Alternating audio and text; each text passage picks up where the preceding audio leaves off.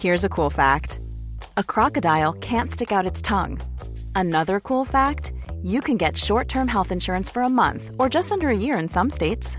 United Healthcare short term insurance plans are designed for people who are between jobs, coming off their parents' plan, or turning a side hustle into a full time gig. Underwritten by Golden Rule Insurance Company, they offer flexible, budget friendly coverage with access to a nationwide network of doctors and hospitals. Get more cool facts about United Healthcare short term plans at uh1.com. Many of us have those stubborn pounds that seem impossible to lose, no matter how good we eat or how hard we work out. My solution is PlushCare. PlushCare is a leading telehealth provider with doctors who are there for you day and night to partner with you in your weight loss journey. They can prescribe FDA-approved weight loss medications like Wagovi and Zepbound for those who qualify. Plus, they accept most insurance plans. To get started, visit plushcare.com slash weight loss. That's plushcare.com slash weight loss. Du lyssnar på en podd från Media House by RF.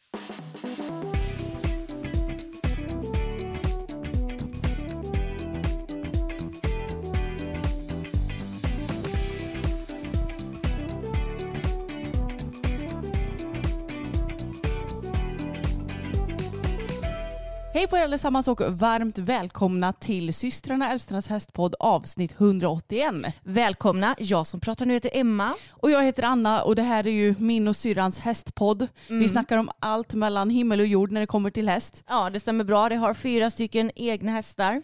Och eh, tycker det är kul att köta helt enkelt om hästsporten och det kommer nog bli ganska så mycket kött idag skulle jag tro. Ja men vi är ju två åsiktsmaskiner du och jag. Ja det är vi, det kan behövas.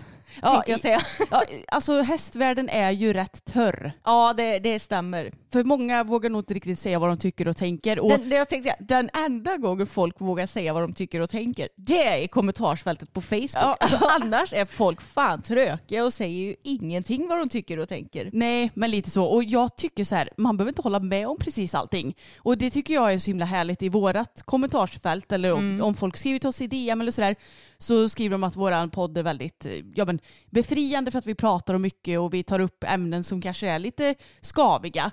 Men Ja. att de kanske inte alltid håller med oss och det är helt okej. Ja, jag håller verkligen med. Men hur mår du idag Ansi? Jo men jag har sovit lite halvdåligt. Jag och Samuel kom hem från, vi har varit på campingsemester i Kil. För övrigt världens finaste camping. Vart ligger Kil för de som inte vet? I Värmland, typ, eh, ja men vad kan det vara, tre mil från Karlstad ungefär. Och vi bodde på Frykenbadens camping.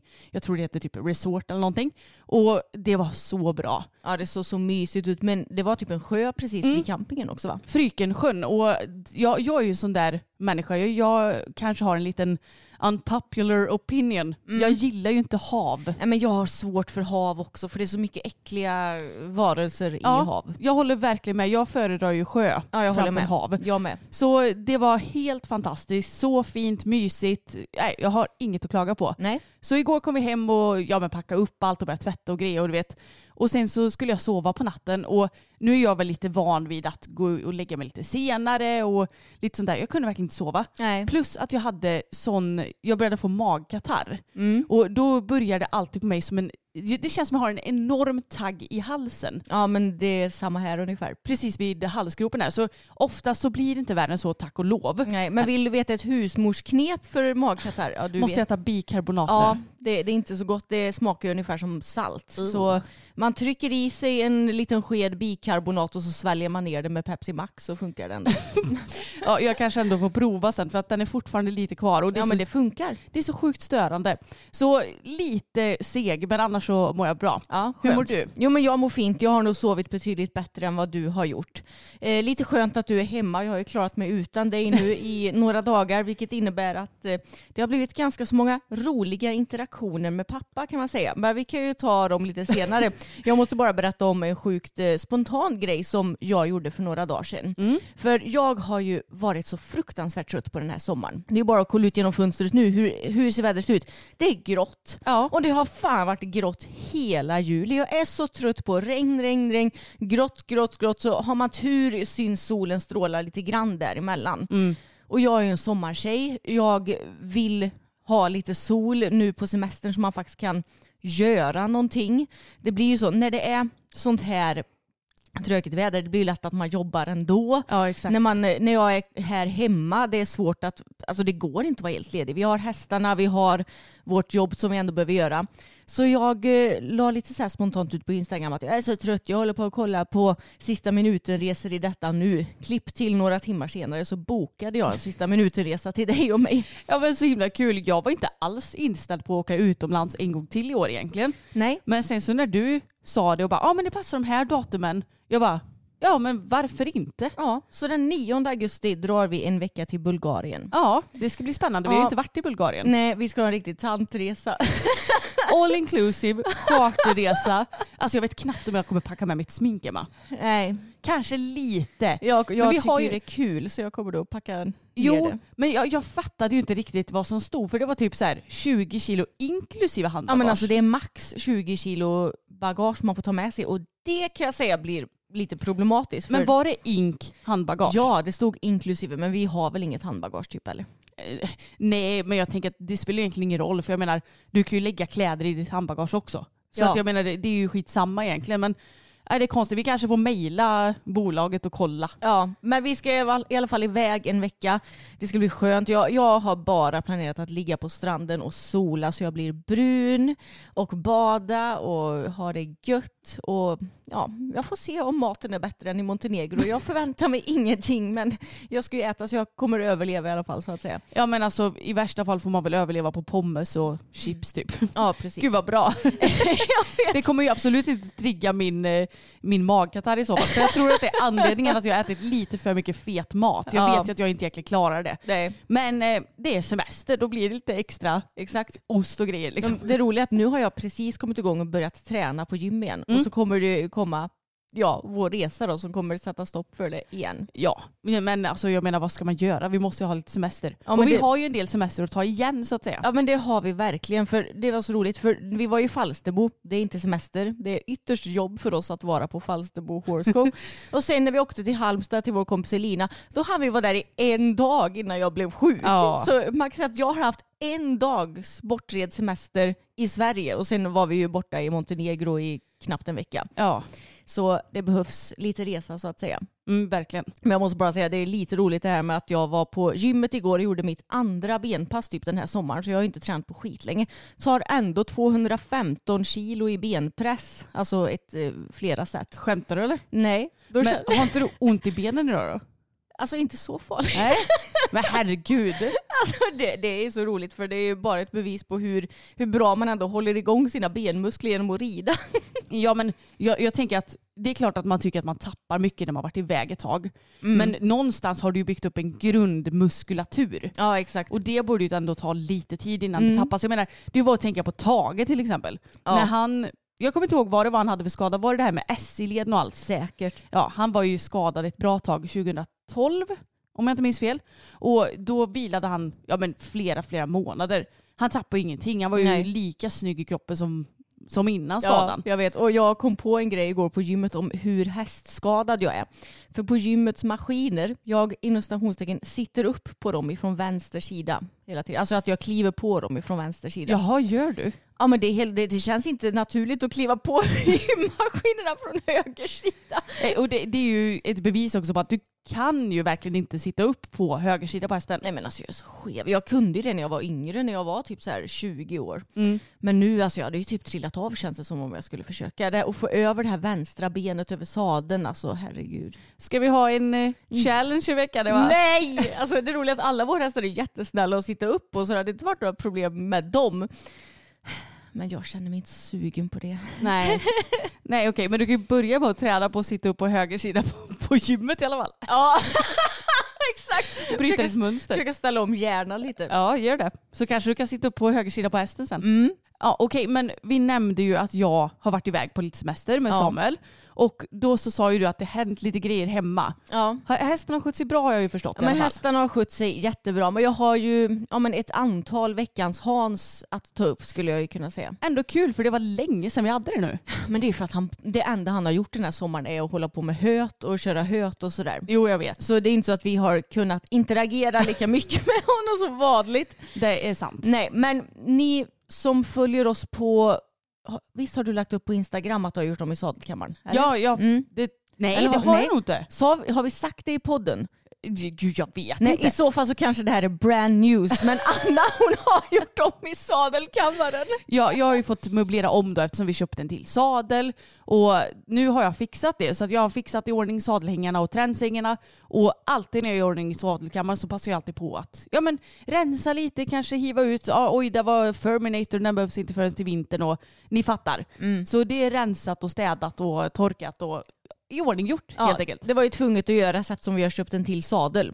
Så vi har nu fler sadelhängare och visst har vi fler trändsängar också. Ja men det har vi Mm. faktiskt. Precis, och jag tycker att det blir jättebra. Det kommer upp en vlogg på lördag. Mm. Men alltid, alltså pappa är ju lite som mig. När du har gjort någonting så, så blir ju han helt clueless och tappar bort sina grejer och fattar inte vad det är som har hänt. Mm. Jag är inte riktigt lika extrem som honom. Men det har ju varit lite problem nu när vi har ridit i veckan för jag har fått en del ridhjälp av pappa och Sigrid, vår medryttare, även Jessica, vår andra medryttare. Och då när vi skulle rida ut för några dagar sedan då var jag ju så, såklart för det första tvungen att hjälpa pappa att hitta sadeln för nu har vi inte kommit så långt att det står några namnskyltar på sadlarna. Nej, det är det sista jag ska fixa för jag har blivit lite så här, hur ska jag lösa den biten? Mm. Så jag behöver komma på en bra lösning och då visste jag att det skulle bli lite så här. Ja precis, så både sadel och träns det var jag ju tvungen att hjälpa pappa med vilka det skulle vara. För pappa hade väl den enda som rider våra hästar som inte vet hur deras sadlar och träns ser ut.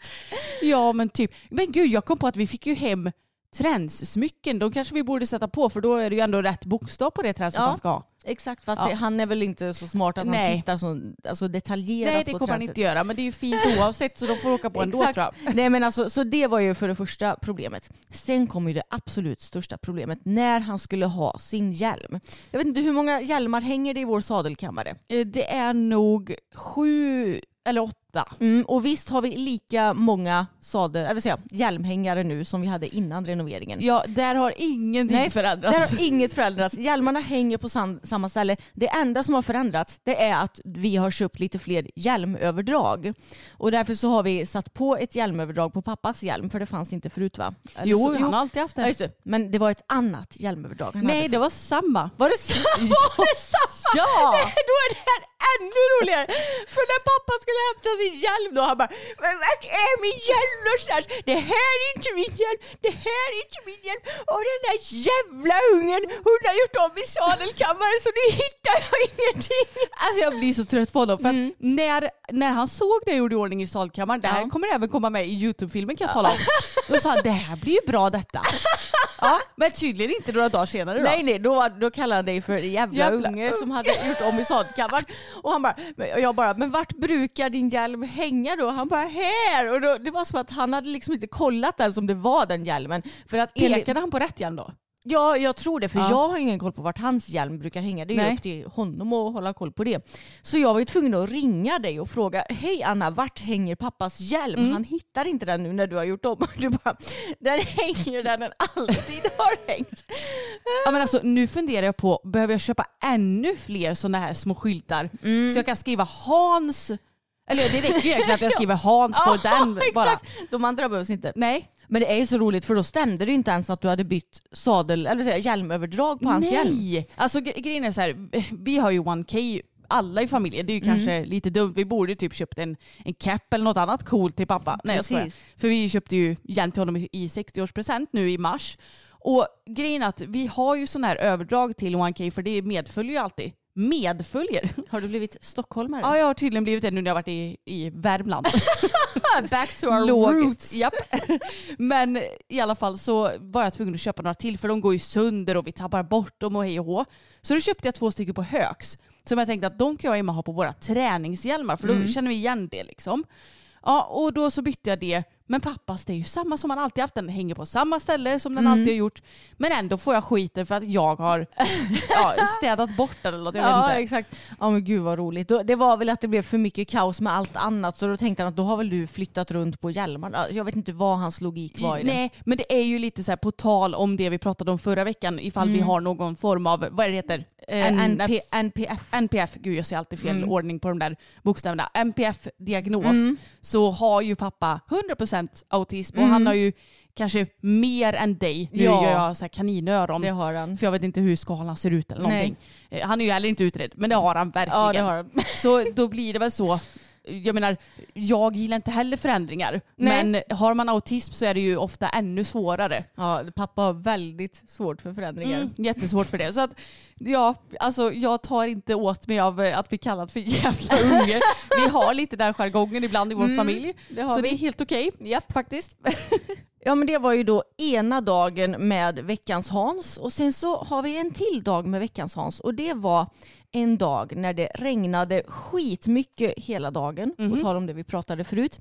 Och då frågade jag pappa kan inte du hänga med mig till ridhuset och rida en av tjejerna? För då tänkte jag ta dit Bella och Pebban och rida.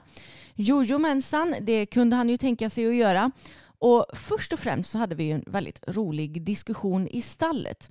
För det började med att pappa sa att ah, det är så att de har eh, brist på polishästar nu för det är ingen som avlar fram några polishästar längre. Okej. Och då såg jag eh, när, några timmar senare när jag var hemma att Hipson har tydligen släppt en artikel om det. Mm. Att det är brist på polishästar. Så då fattade jag att aha, det var typ på grund av något sånt här han visste om det. För jag kände att hur hade han kunnat veta om det annars? Men högst oklart för pappa brukar väl inte vara den som Nej. läser hästnyheter heller? eller? Nej, nej, det brukar inte. Så jag vet inte om det var en slump eller om han typ har råkat se det på något annat sätt. Men det är ju en nyhet i alla fall. Ja. Det eh, inte produceras tillräckligt mycket polishästar så att det är brist på det. Och då börjar han prata om att eh, men Emma, finns det ingen hingst som är som Bella? Och då sa jag, ja, men vad menar du med det?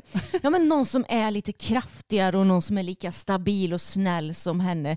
Finns det inte någon eh, polishäst som man kan avla på? Jag bara, ja men alltså, eller finns det inte något svenskt varmblod? som är polishäst som man kan avla på eller något sånt där. han. Mm. Jag bara, ja men alltså när det kommer till avel så brukar man ju antingen ha, antingen ha hopp eller dressyrhingstar, typ sa jag. Mm. Men det finns ju absolut svenska varmblod som man kan betäcka henne med. Ja, för jag tänker att vi kan ju ta och betäcka henne med någon så här bra hingst så blir det en polishäst så kan vi sälja den sen.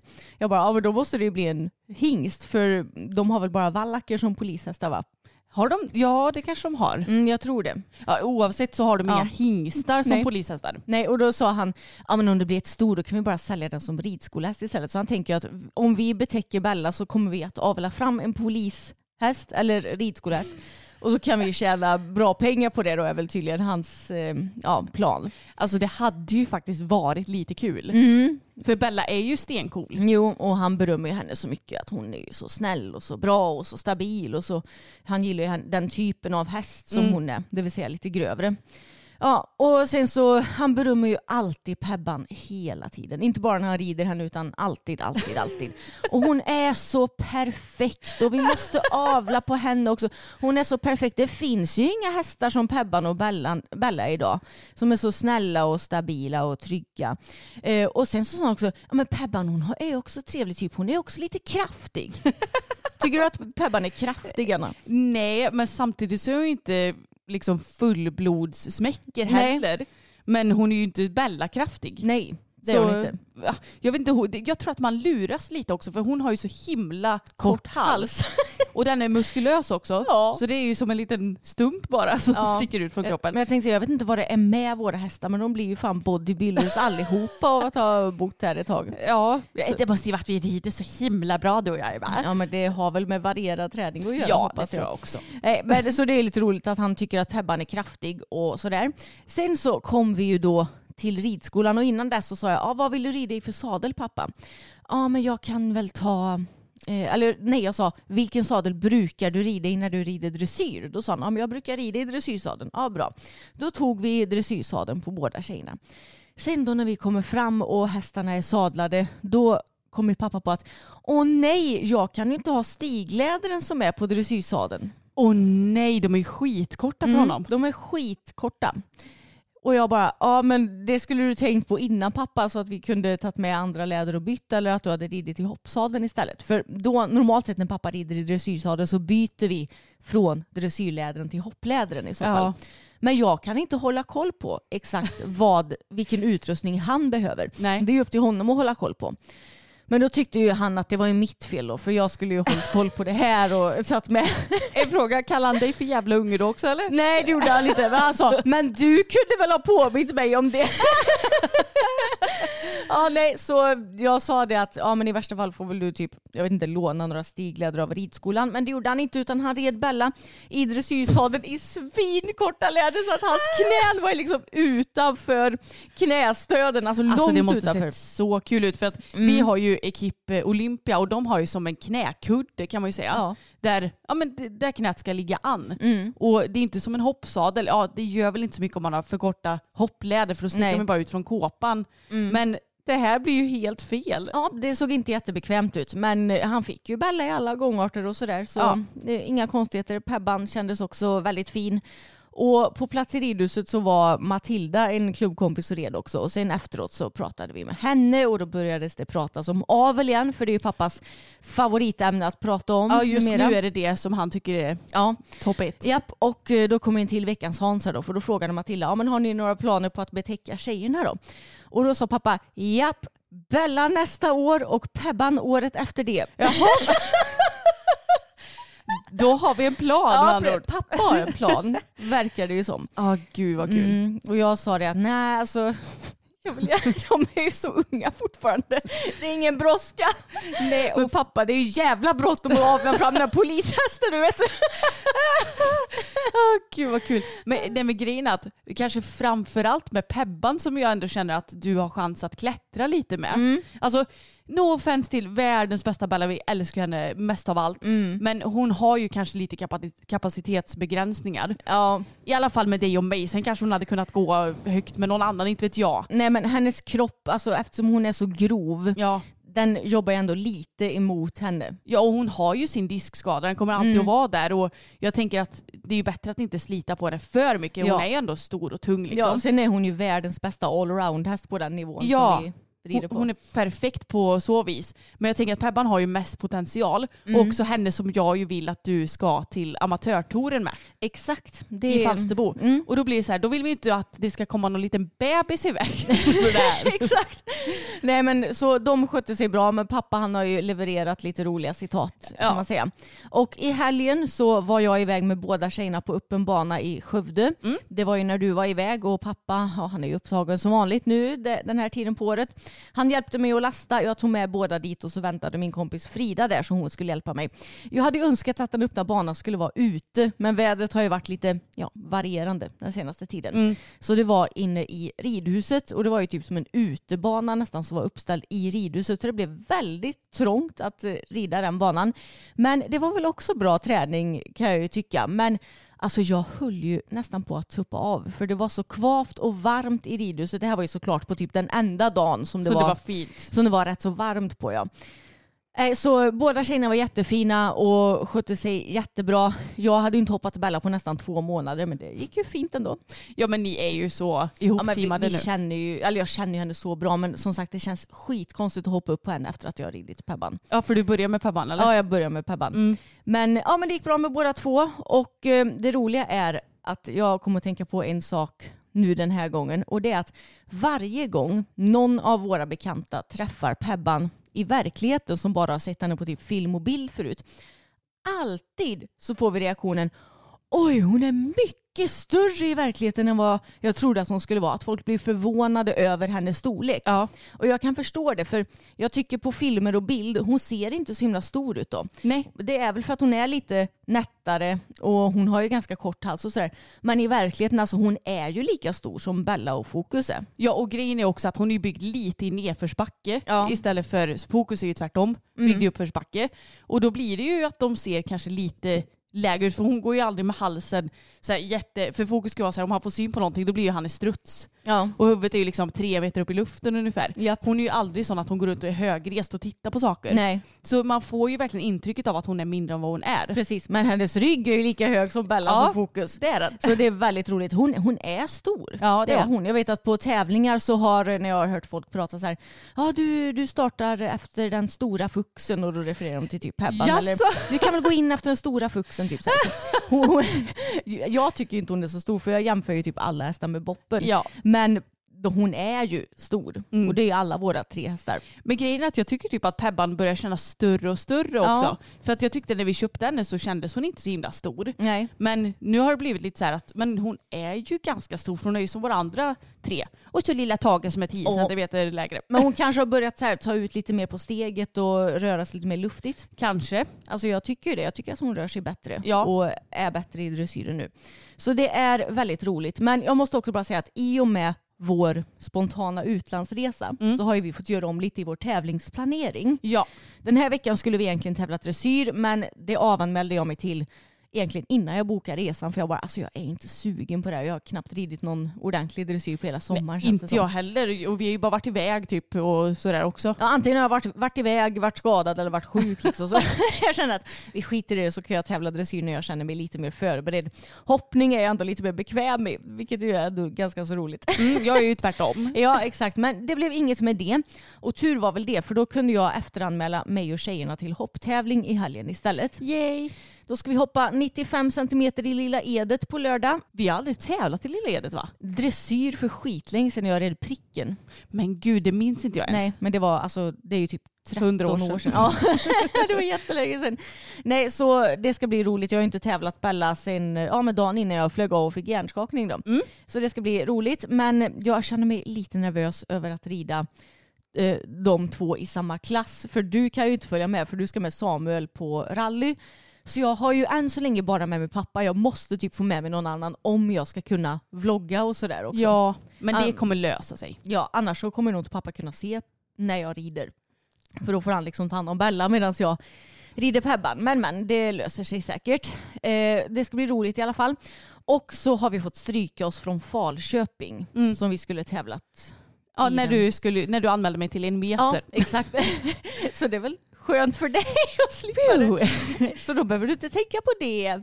Men jag, jag är så tu, tudelad med det här för att jag sa ju det att när jag var och tävlade, eller när vi var och tävlade i Grevagården så kändes det ju så himla lågt med Ja. 90 centimeter. Så att egentligen hade det nog inte varit någon biggie med en meter rent höjdmässigt. Nej. Men så blir jag också så att då måste vi komma ännu mer perfekt på hindren enligt mig själv. Ja, så det är ju bara mina hjärnspöken som sätter stopp för mig. Men nu har jag anmält oss till en ny en meterklass. Men det är ju Typ andra september Ja, eller alltså det det är ju långt kvar tills. Det är över en månad dit. Jo, men så ska vi utomlands och så kanske vi inte hinner träna så mycket innan dess ändå. Du, du kommer känna dig redo Anna. Nej. nej, du, nej okej. Det Du- kommer jag nej, Okej du kommer inte känna dig redo men du kommer klara det, Det kommer ändå. vara okej ändå. Ja, Det, kommer, det kommer gå fint. Ja, och jag är ju väldigt nöjd med förra rundan och tyckte att jag gjorde helt rätt beslut typ hela tiden. Mm. Förutom på sista omhoppningshindret när jag, men det stod så konstigt vinkel. Ja, det, var, det var som att du styrde rätt in i oxen efteråt så jag tror inte Bella hon koncentrerade sig så mycket på det så Mm. att hon rev det. Men det var ju det som var grejen. Jag tänkte ju inte ens på att det stod ett hinder bakom typ, för det stod Mm. Nej. så konstigt. Så ja, jag- nej, jag är ju... Vi får se helt enkelt. Jag, Mm. jag tänker att i värsta fall får du rida Bella. ja.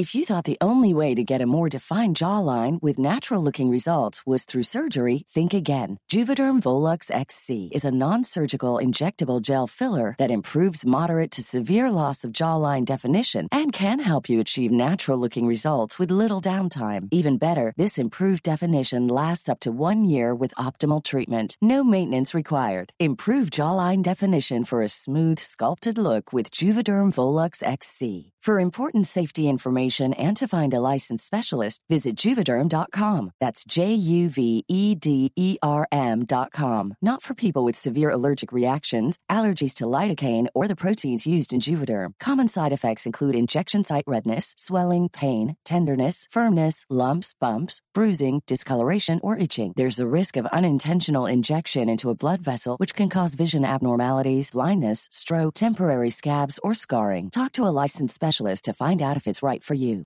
One size fits all seems like a good idea for clothes until you try them on. Same goes for healthcare. That's why United Healthcare offers flexible, budget friendly coverage for medical, vision, dental, and more. Learn more at uh1.com. Okej, jag tänkte ta och ta upp eh, lite artiklar som jag har läst precis som vanligt så vi kan diskutera det. Och kanske en av de största nyheterna som släpptes förra veckan det är att fälttävlansryttaren Niklas Lindbäck väljer att avstå att starta i EM. Har du hört talas om det här? Ja, men lite grann. Men jag har inte läst någonting om det så att jag är inte så insatt. Nej, jag tänker att jag kan först börja med att läsa upp Hipsons artikel om det hela. Det var efter en tävling som en av Lindbäcks elever bad om hjälp med sin häst då det inte gått som förväntat på tävlingen. Enligt vittnesuppgifter till Hipson korrigerade Lindbäck hästen på ett brutalt sätt. Själv kommenterar Niklas Lindbäck incidenten och hans val att hoppa av EM så här i ett inlägg på Facebook. I samråd med landslagsledningen har vi enats om att jag inte kommer delta i EM i fälttävlan i Frankrike. Detta då det inkommit en anmälan mot mig till Svenska Ridsportförbundet rörande otillåten hantering av häst. Anmälan härrör från en incident där jag ombads rida en häst som inte fungerat de senaste tävlingarna med sin ordinarie ryttare. Jag ser allvarligt på anmälan och välkomnar utredningen om jag skulle ha brustit i mitt agerande när jag bara försökte hjälpa. Och med hänsyn till de övriga svenska ryttarna och laget så vill jag inte riskera deras prestationer blir förstörda och att ge eventuella ersättare så mycket tid som möjligt att förbereda sig. Anmälan ligger nu hos FEI. Hipson har varit i kontakt med ägaren till hästen som det gäller. Hon är även hästens ryttare. Hon bekräftar att en anmälan är gjord. Hon skriver i ett meddelande till Hipson. Träningen genomfördes på ett sätt som jag menar strider mot den svenska djurskyddslagen. Jag har därför anmält förfarande till Svenska Ridsportförbundets disciplinnämnd som har skickat den vidare till FEI. Jag var själv närvarande under träningen men klarade inte av att förhindra det som inträffade. Ryttaren skriver därefter att hon inte vill kommentera det hela vidare. Okej, jag måste bara ha ett förtydligande. Mm. Ryttaren till den här hästen, hon eh, sa att det, hästen du krånglar.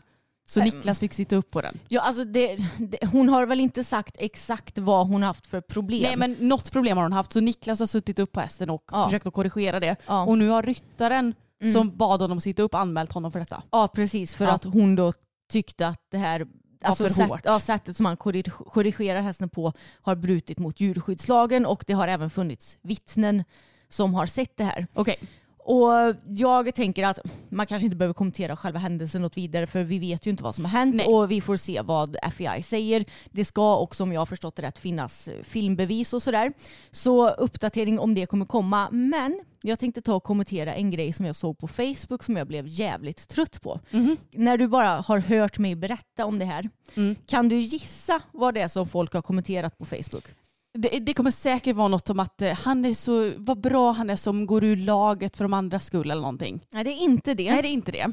Det har inte med honom att göra kan jag ju säga. Okej, ja, är det att hon, är det typ att de skyller på henne att hon eh, eh, ja, men fick honom att sitta upp och sådär och så sen anmäler honom typ. Ja nästan. Ja. Det, det är de victimblamar ryttaren kan Ja. man säga. Och så här, Varför gjorde hon inte något åt det på plats och bla bla bla. Och det är ju konstigt att eh, hon låter honom sitta upp och sen anmäler i efterhand. Och, ja, det, är, det är massa skit på ryttaren i alla fall. Såklart. Ja. Och folk är ju, ursäkta mig, men så jävla dumma i huvudet för ingenstans i den här artikeln står det att hon inte försöker avbryta honom. Nej, Det enda som står är att hon inte lyckades. Ehm, ja, men det står ju inga sådana specifika detaljer. nej precis, och det har ju de alltså hittat på själva och tolkat in själva. Men det gör ju människor hela tiden. Ja, folk är ju väldigt bra på att göra det Mm. på sociala medier helt klart. Och eh, jag blev så trött när jag läste det för jag kände bara hur har ni Alltså ni har ingen aning om ifall hon har försökt göra något åt det eller inte. Och det är väl inte så konstigt att hon kanske inte har sett den här eh, ryttaren göra någonting konstigt tidigare. Och sen så ber hon, hon litar på honom. Mm. Och sen så händer det här. Det är väl klart som tusan att man anmäler då trots att eh, hon kanske inte hade någon aning om att det skulle ske. Nej, och jag menar också att när saker och ting händer som man inte är förberedd på, då, vi har ju pratat om det här förut, att man kan fight, freeze eller Mm, flight. flight. Ja, Mm. precis. Och det, det behöver inte vara något av det här som händer, men jag, jag kan, kan tänka mig så att hade jag bett någon av mina tränare sitta upp och den hade börjat så här och jag inte vet jag, gjort något olämpligt mot Mm. hästen, jag är inte säker på att jag hade bara men gud sitt av eller typ slitit av människan för man Nej. hade nog bara vad fan är det som händer? Ja, men man vet ju aldrig hur kroppen och hjärnan reagerar när man hamnar i ett paniktillstånd. Nej, exakt. Det kan vara vilket som. Mm, precis. Men då har det ju då kommit lite uppdatering gällande det här och det här är en Ridsport Plus-artikel. Och den heter “Därför anmälde hon EM-ryttaren, tyckte det var allvarligt”. Nu berättar anmälaren, norska Ann-Katrin Selläg, om händelsen som ligger bakom att hon anmälde den flerfaldige mästerskapsryttaren som hon har känt och samarbetat med i flera år. Jag hade inte anmält det här om jag inte tyckte det var allvarligt. Det tog tid för mig att bestämma mig för att anmäla och det är ingen rolig situation. Men det är min uppfattning att det som hände är brott mot djurskyddslagen. Det var i samband med de internationella tävlingarna i Össjö i början av sommaren som den aktuella händelsen utspelade sig. Och då hade då den här ryttaren haft problem med sin häst och bad Niklas Lindbäck sitta upp för att försöka lösa problemen. Exakt vad som hände sen råder det delade meningar om och båda inblandade parter vill invänta beslut från FEI innan de går in på detaljer. Ann-Katrin Sellägg menar dock att det som Niklas Lindbäck gjort med hennes häst är allvarligt och att det också ledde till att en gammal muskelbristning i hästens ena lår gick upp. Hon anmälde ryttaren till Svenska Ridsportförbundet men nämnden skickade anmälaren vidare till FEI då den anmälda händelsen skedde på tävlingsplatsen i Össjö samtidigt som det pågick internationella tävlingar där. Och i sådana fall så är det FEIs reglemente som gäller. Jag tänker att det kommer bli tufft att ta sig igenom processen efter anmälan men vem hade jag varit om jag hade hållit tyst om detta? Jag vill också förhindra att samma sak händer med någon annan häst. Nu är det upp till FEI att avgöra om det här är ett acceptabelt beteende eller inte. Niklas Lindbäck delar inte Ann-Katrin Sellägs uppfattning om att han plågade hästen. Där har vi skilda uppfattningar om vad som har hänt. Mer än så kan jag inte säga i nuläget. Det här är ingen situation jag hade hoppats att vara i men just nu kan jag inte göra eller säga så mycket utan får invänta FEIs behandling. Jag kommer att acceptera deras beslut och rätta mig efter det fullt ut. Ann-Katrin Sellägg försökte också att avbryta Niklas Lindbäck när han red hennes häst medan ryttaren säger att hon inte gjorde det. Jag har efteråt tänkt mycket på om jag hade kunnat göra något annorlunda för att stoppa det. Jag blev först chockad av det som hände men sen ropade jag upprepande gånger att han skulle sluta.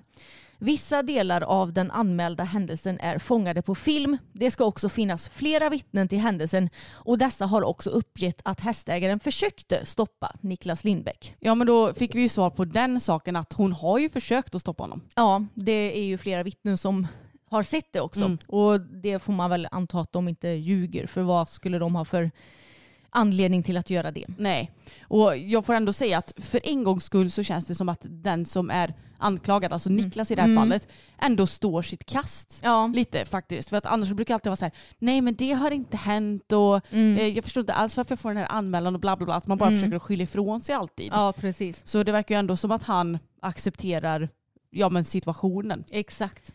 Så mm, vi får se hur det blir med den här saken nu då. Ja, men jag blir så trött på folk som på sociala medier håller på att kommentera grejer som de inte har någon aning om. Ja, jag med. Och det är synd för den första artikeln var ju från Hipson och det är i deras kommentarsfält som den här victim blamingen har skett. Mm. Och sen så tror jag inte att de har kommit med de här nya uppgifterna. Utan Nej. det är bara tidningen Ridsport som har gjort det. Och det var ju dessutom en plusartikel som man var ju tvungen att ha plusinloggning ja. för att kunna läsa det.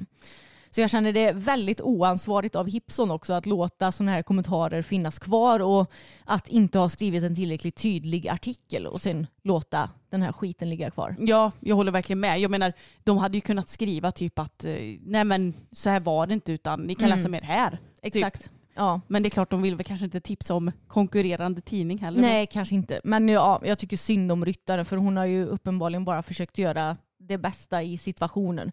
Och så får hon ta massa skit från eh, ja, från massa dumma människor som inte vet vad källkritik är. Nej, precis. Eller som inte vet vad eh, ja, alltså det här med att tolka saker är. Nej, men det, är ju verkligen obefogat för henne också. Så mm. att jag hoppas att hon inte tar det personligt. För det, ja. det behöver hon ju inte göra. Nej, exakt.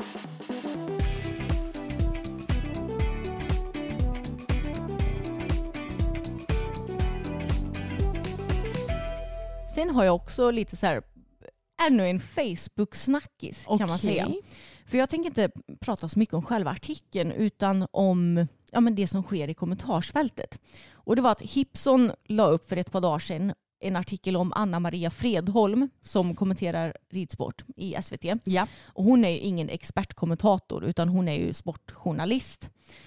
Ja och att tillägga sig ju också att hon kommenterar ju väldigt många olika sporter. Mm. Och hon hade väl ingen hästkunskap när hon började kommentera för är det typ sju år sedan. Nio år sedan. Nio år sedan. Men nu har hon väl ändå lärt sig lite grann med tidens gång och hon brukar ju alltid paras ihop med Lotta Björe. Ja, precis. Men eh, sen så under typ Falsterbo så, så kunde inte Lotta, eller hur var det? Nej, precis. Så då var det Stephanie Holmén istället. Just det. Vet jag. Och hon kommenterar väl dressyr också va? Då är det väl med Gunilla Byström? Mm. Eller? Om jag inte minns fel. Ja, jag kollar ju så himla sällan på dressyr. Ja, men jag, jag är ganska säker på att det är så i alla fall. Ja men då är det en artikel om henne där hon pratar om ja, men hur det har varit och sådär. Och um, det som, Hur det har varit att vara kommentator ja, alltså. hur det har varit att vara kommentator. Och sen så tänkte jag, ja men det var en trevlig artikel, då ska vi se, oj vad många kommentarer det var på Facebook. Oj, och om Då det har jag faktiskt också läst. ja, och om det är så många kommentarer på Facebook, ja vad kan det vara som det står då? Jo, folk är ju såklart negativa. Ja. Men alltså jag visste ju inte om att hon var så här ogillad. Jag blev så chockad för folk har skrivit typ att hon kan ju ingenting eh, och när det var typ någon dressyr så var väl 12 hästar felkönade av 17 och det, det var bara massa skit som spyddes ut på henne och jag blev Mm. jättechockad för att jag, jag är ju den i teamet som tycker om Anna Maria heter hon Mm. Ja. ja. Jag med. Och tycker att hon är, jag menar, det, hon sitter ju inte där för att hon ska vara expertkommentator utan Nej. hon är ju den som är lite mer journalistiskt Mm. eh, utbildad och som ska liksom få själva konversationen att flyta på Ja. medan hon kan fråga Lotta om olika Mm. saker och Lotta kommer med lite mer info. Exakt. Så jag tycker att de två ihop är jättebra. Ja, men de kompletterar ju varandra Ja. väldigt bra. Och det som jag tycker är så bra med Anna Maria är att hon är ju väldigt här, glad och positiv. Hon har en väldigt bra kommentatorsröst. Hon har bra energi. Men vill folk ha liksom folk som bara sitter så här och pratar. Alltså det, det hade inte blivit någonting. Man måste ju också tänka på att eh, när det är på SVT då ska det inte bara dra hästmänniskor utan det ska vara att ja, någon random icke hästintresserad person råkar få in en hoppning en söndag eftermiddag. Exakt. Och, Och- den ska fastna där. Och den ska fastna där. Man fastnar inte om det är någon tråkig hästperson som sitter så här och pratar. Alltså, jag, jag tycker att ridsporten, eh, kanske om det ska bli en mer publik sport, borde ta efter lite mer när det kommer till andra kommentatorer. Till Mm. exempel jag kollar ju på dam-VM nu och där är ju kommentatorerna väldigt engagerade och visar mycket känslor och när det händer mycket grejer på planen så är det så mycket energi och så. Mm. Och det har ju Anna Maria, hon är ju väldigt duktig på det och där märker man ju att hon verkligen är sportkommentator. Medan Lotta Björe till exempel, hon kan ju kanske mer alltså, sport, hästsportsgrejer. Ja. Men hon är, har ju väldigt mycket mindre personlighet än vad Anna Maria har. Hon pratar ju mycket, alltså, Mer formellt typ. Och... ja och hon, är inte lika rolig till exempel och sådär. Nej, nej men, och det, jag, som sagt de kompletterar ju varandra. Det Ja. hade inte varit kanske så bra med två Anna Maria. Mm. Men det hade inte heller varit kul med två Lotta. Nej. Så jag tycker det är skitbra för att ja, men om det händer något på hoppbanan så kanske Anna Maria bara åh nej och, och typ eh, ja, men berättar att något gick fel. Mm. Och då kan Lotta bara ja men nu blev det ju sju och ett halvt språng istället för åtta som det skulle Mm. vara. Eller någonting. Precis. Då kan hon ändå berätta vad som gick snett. Ja exakt. Så jag blev så chockad för att både du och jag gillar ju Anna Maria väldigt mycket. Ja ja. Så jag tycker att den här skiten är väldigt obefogad. Men det är klart, Ja. alla får ju tycka som de tycker såklart. Jo.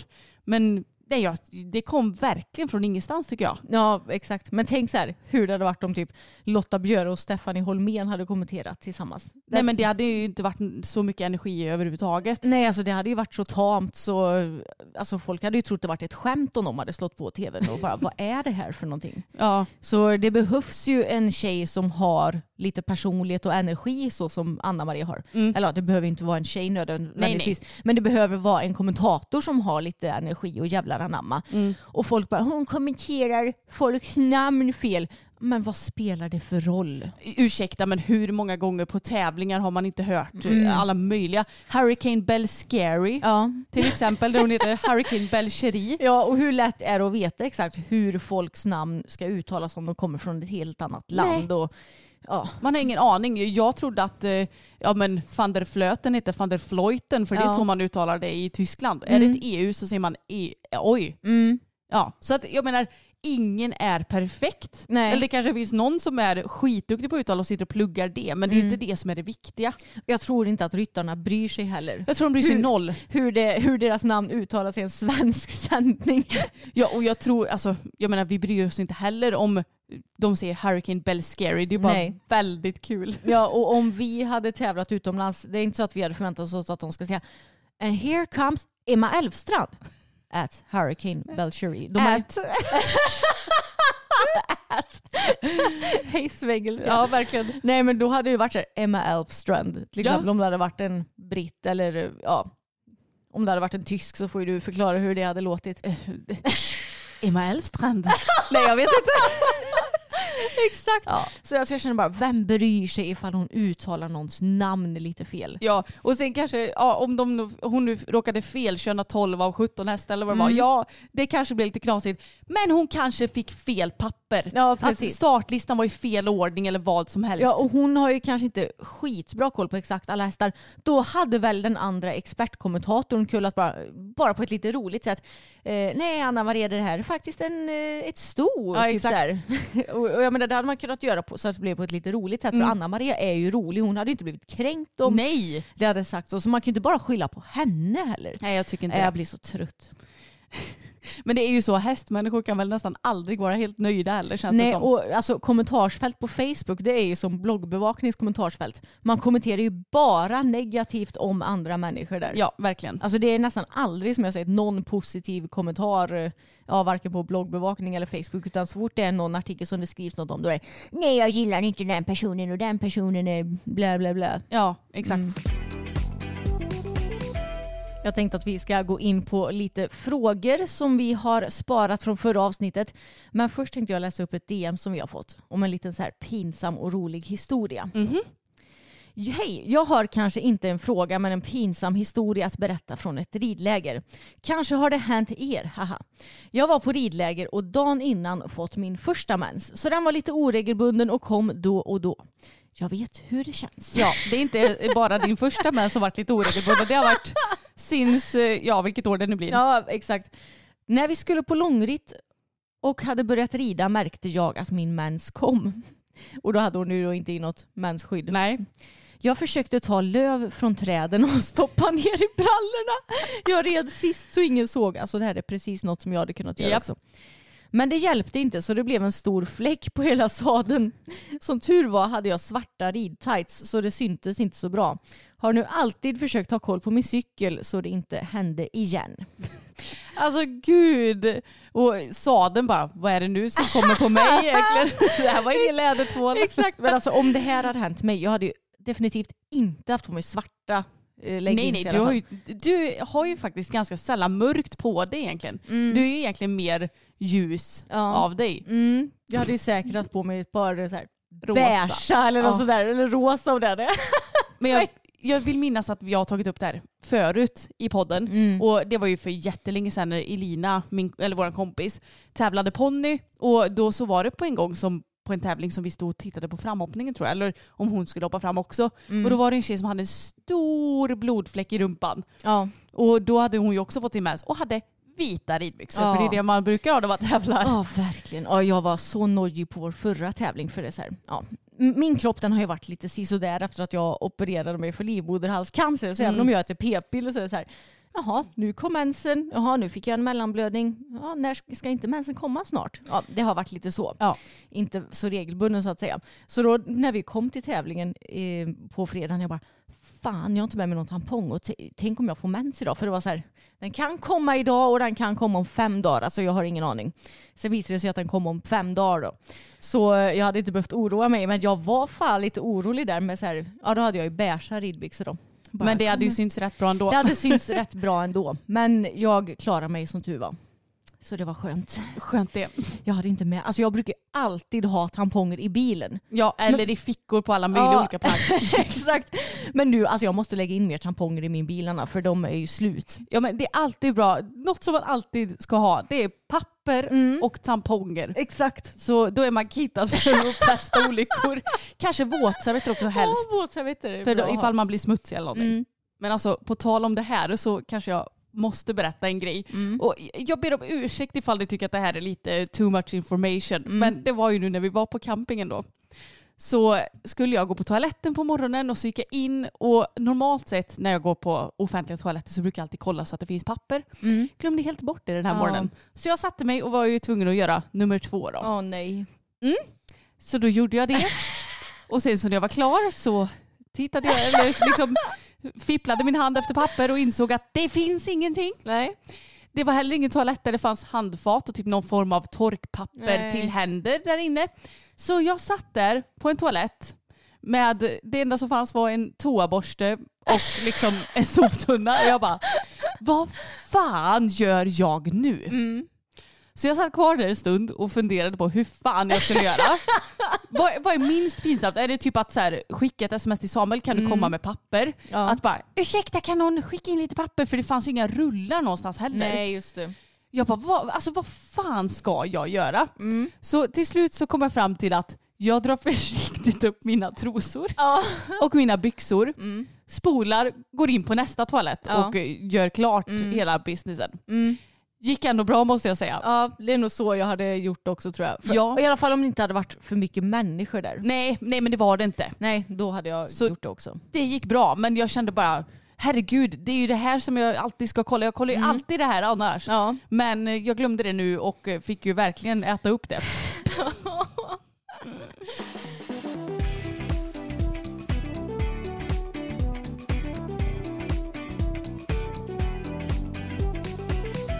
Jag har en eh, lite klurig fråga, eller snarare en klurig situation Mhm. som jag ska se om vi kan eventuellt hjälpa till med. Hej världens bästa podd. Jag är en tjej som rider och har det lite svårt att ta mig vidare i ridningen. Jag har ridit på en ridskola i 5-6 år och därefter har jag kommit en bit i ridningen och vill ta ett kliv framåt. Jag vill alltså bli medryttare men kan inte. För i det stallet jag rider i är det en regel att man ska ha vuxen med sig från en viss ålder och uppåt.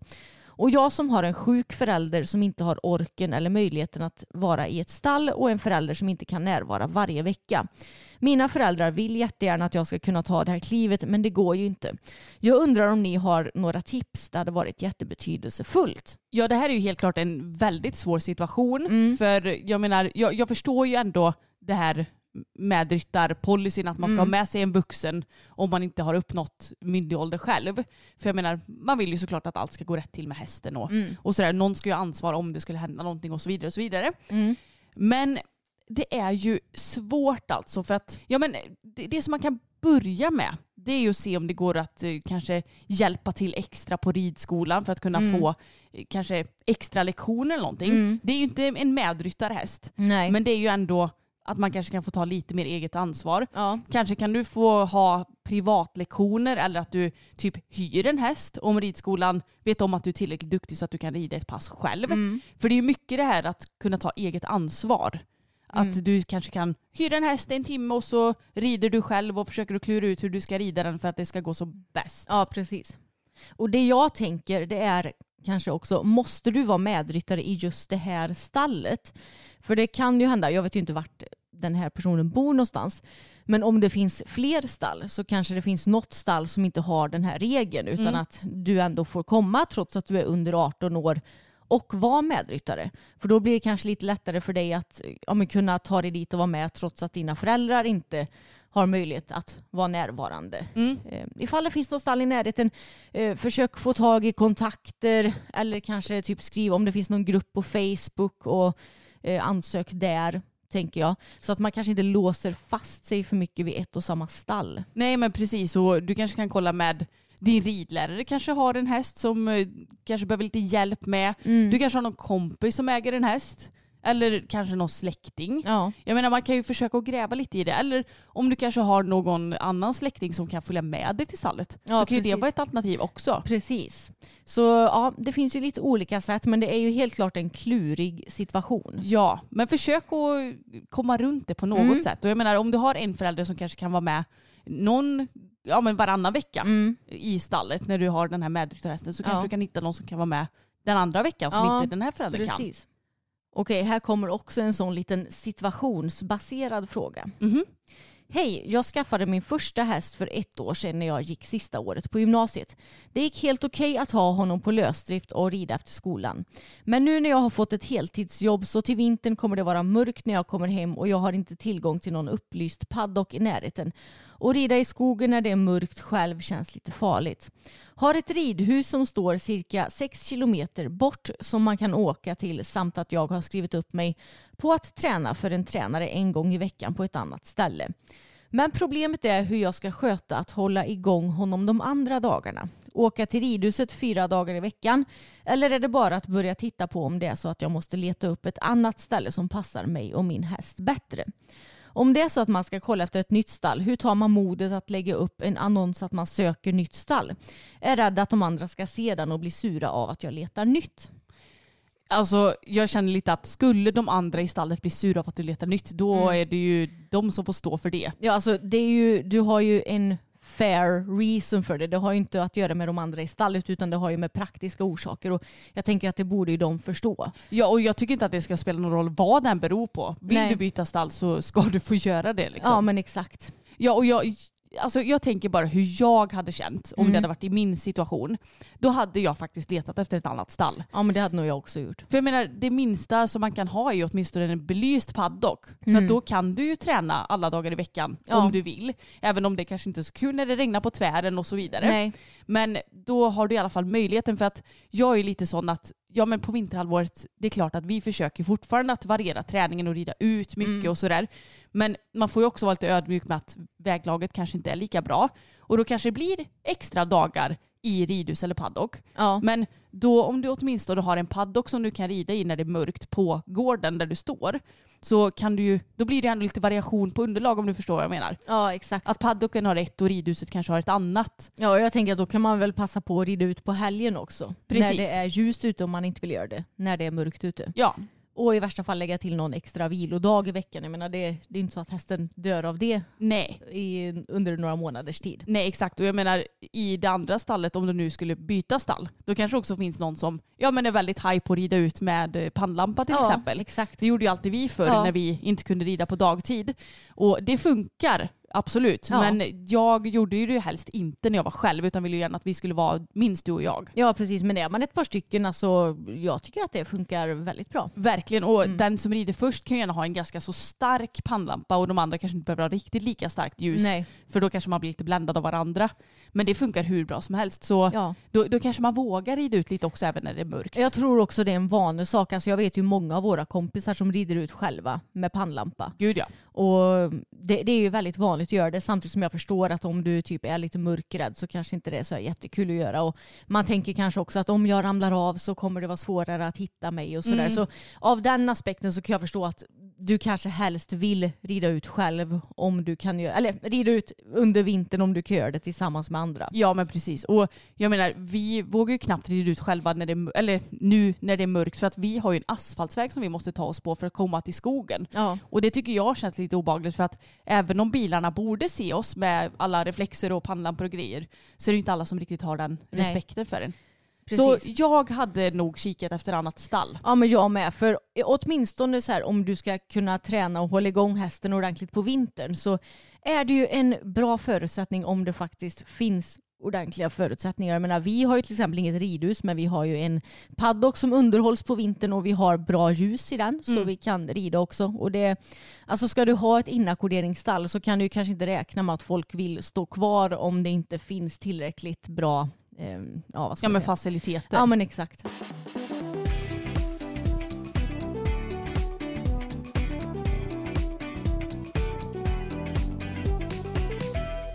Och gärna ska vi ta och avsluta med en fråga som jag tyckte var rolig. Mm. Om ni båda skulle köpa varsin häst just nu på Hästnet och hade både tid och pengar för det. Hur skulle ni ställt in sökfiltret om ni gjorde det väldigt exakt? Alltså så ni hittar er drömhäst, det vill säga ålder, storlek, inriktning, utbildningsnivå med mera. Oj shit vad svårt. Om jag inte behöver tänka någonting på pengar. Nej, det ska vi nog inte behöva tänka på. Nej. Jag, jag måste se nu hur det här sökfiltret ser ut. Visa avancerat sökfilter. Okej, jag börjar då. Mm. Inriktning. Eftersom jag ändå har två hopphästar och en hopphäst som jag tror kan gå ganska högt så hade jag faktiskt tagit dressyr. Va?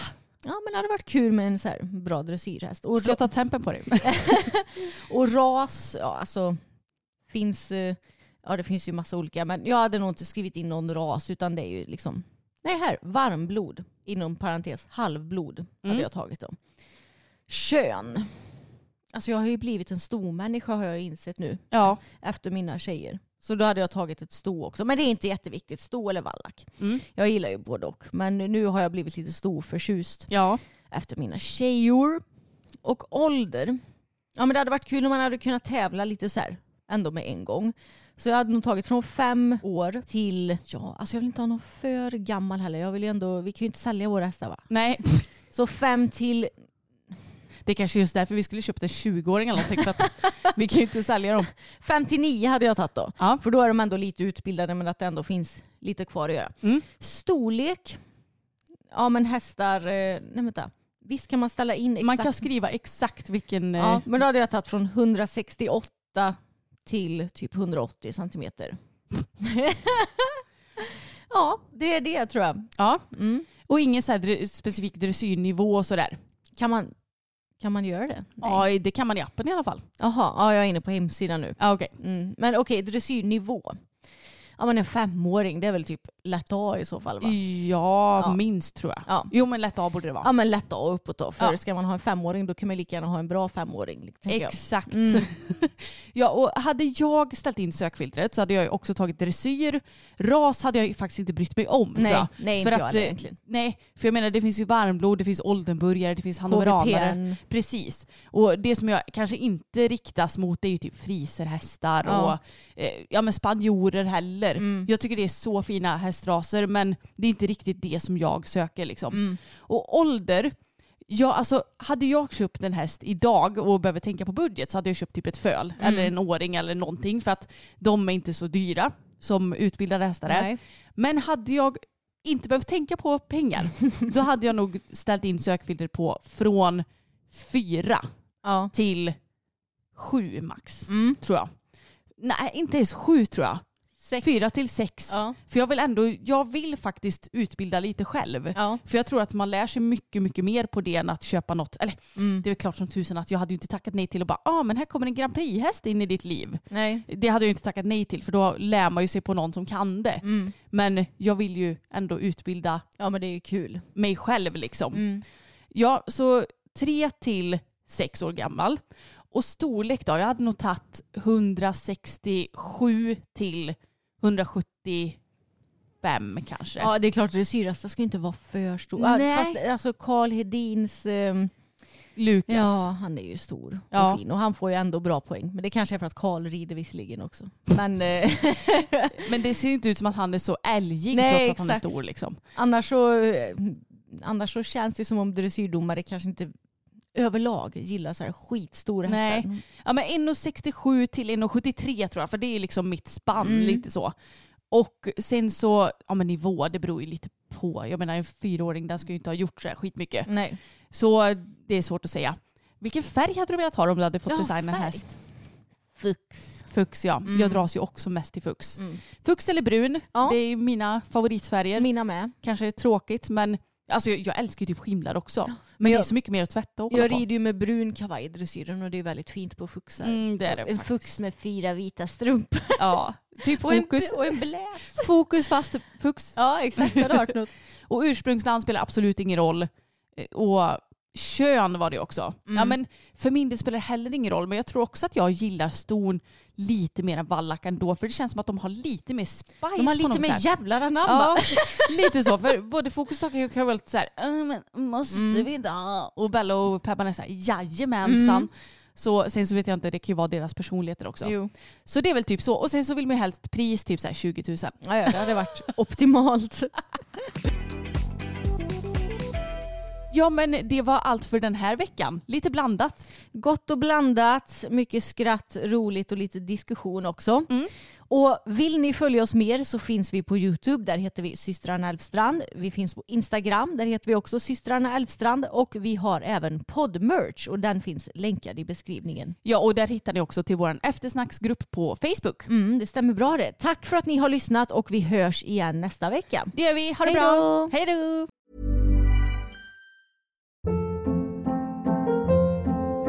Hold up. What was that? Boring. No flavor. That was as bad as those leftovers you ate all week. Kiki Palmer here, and it's time to say hello to something fresh and guilt-free. Hello Fresh. Jazz up dinner with pecan-crusted chicken or garlic butter shrimp scampi. Now that's music to my mouth. Hello Fresh. Let's get this dinner party started. Discover all the delicious possibilities at hellofresh.com.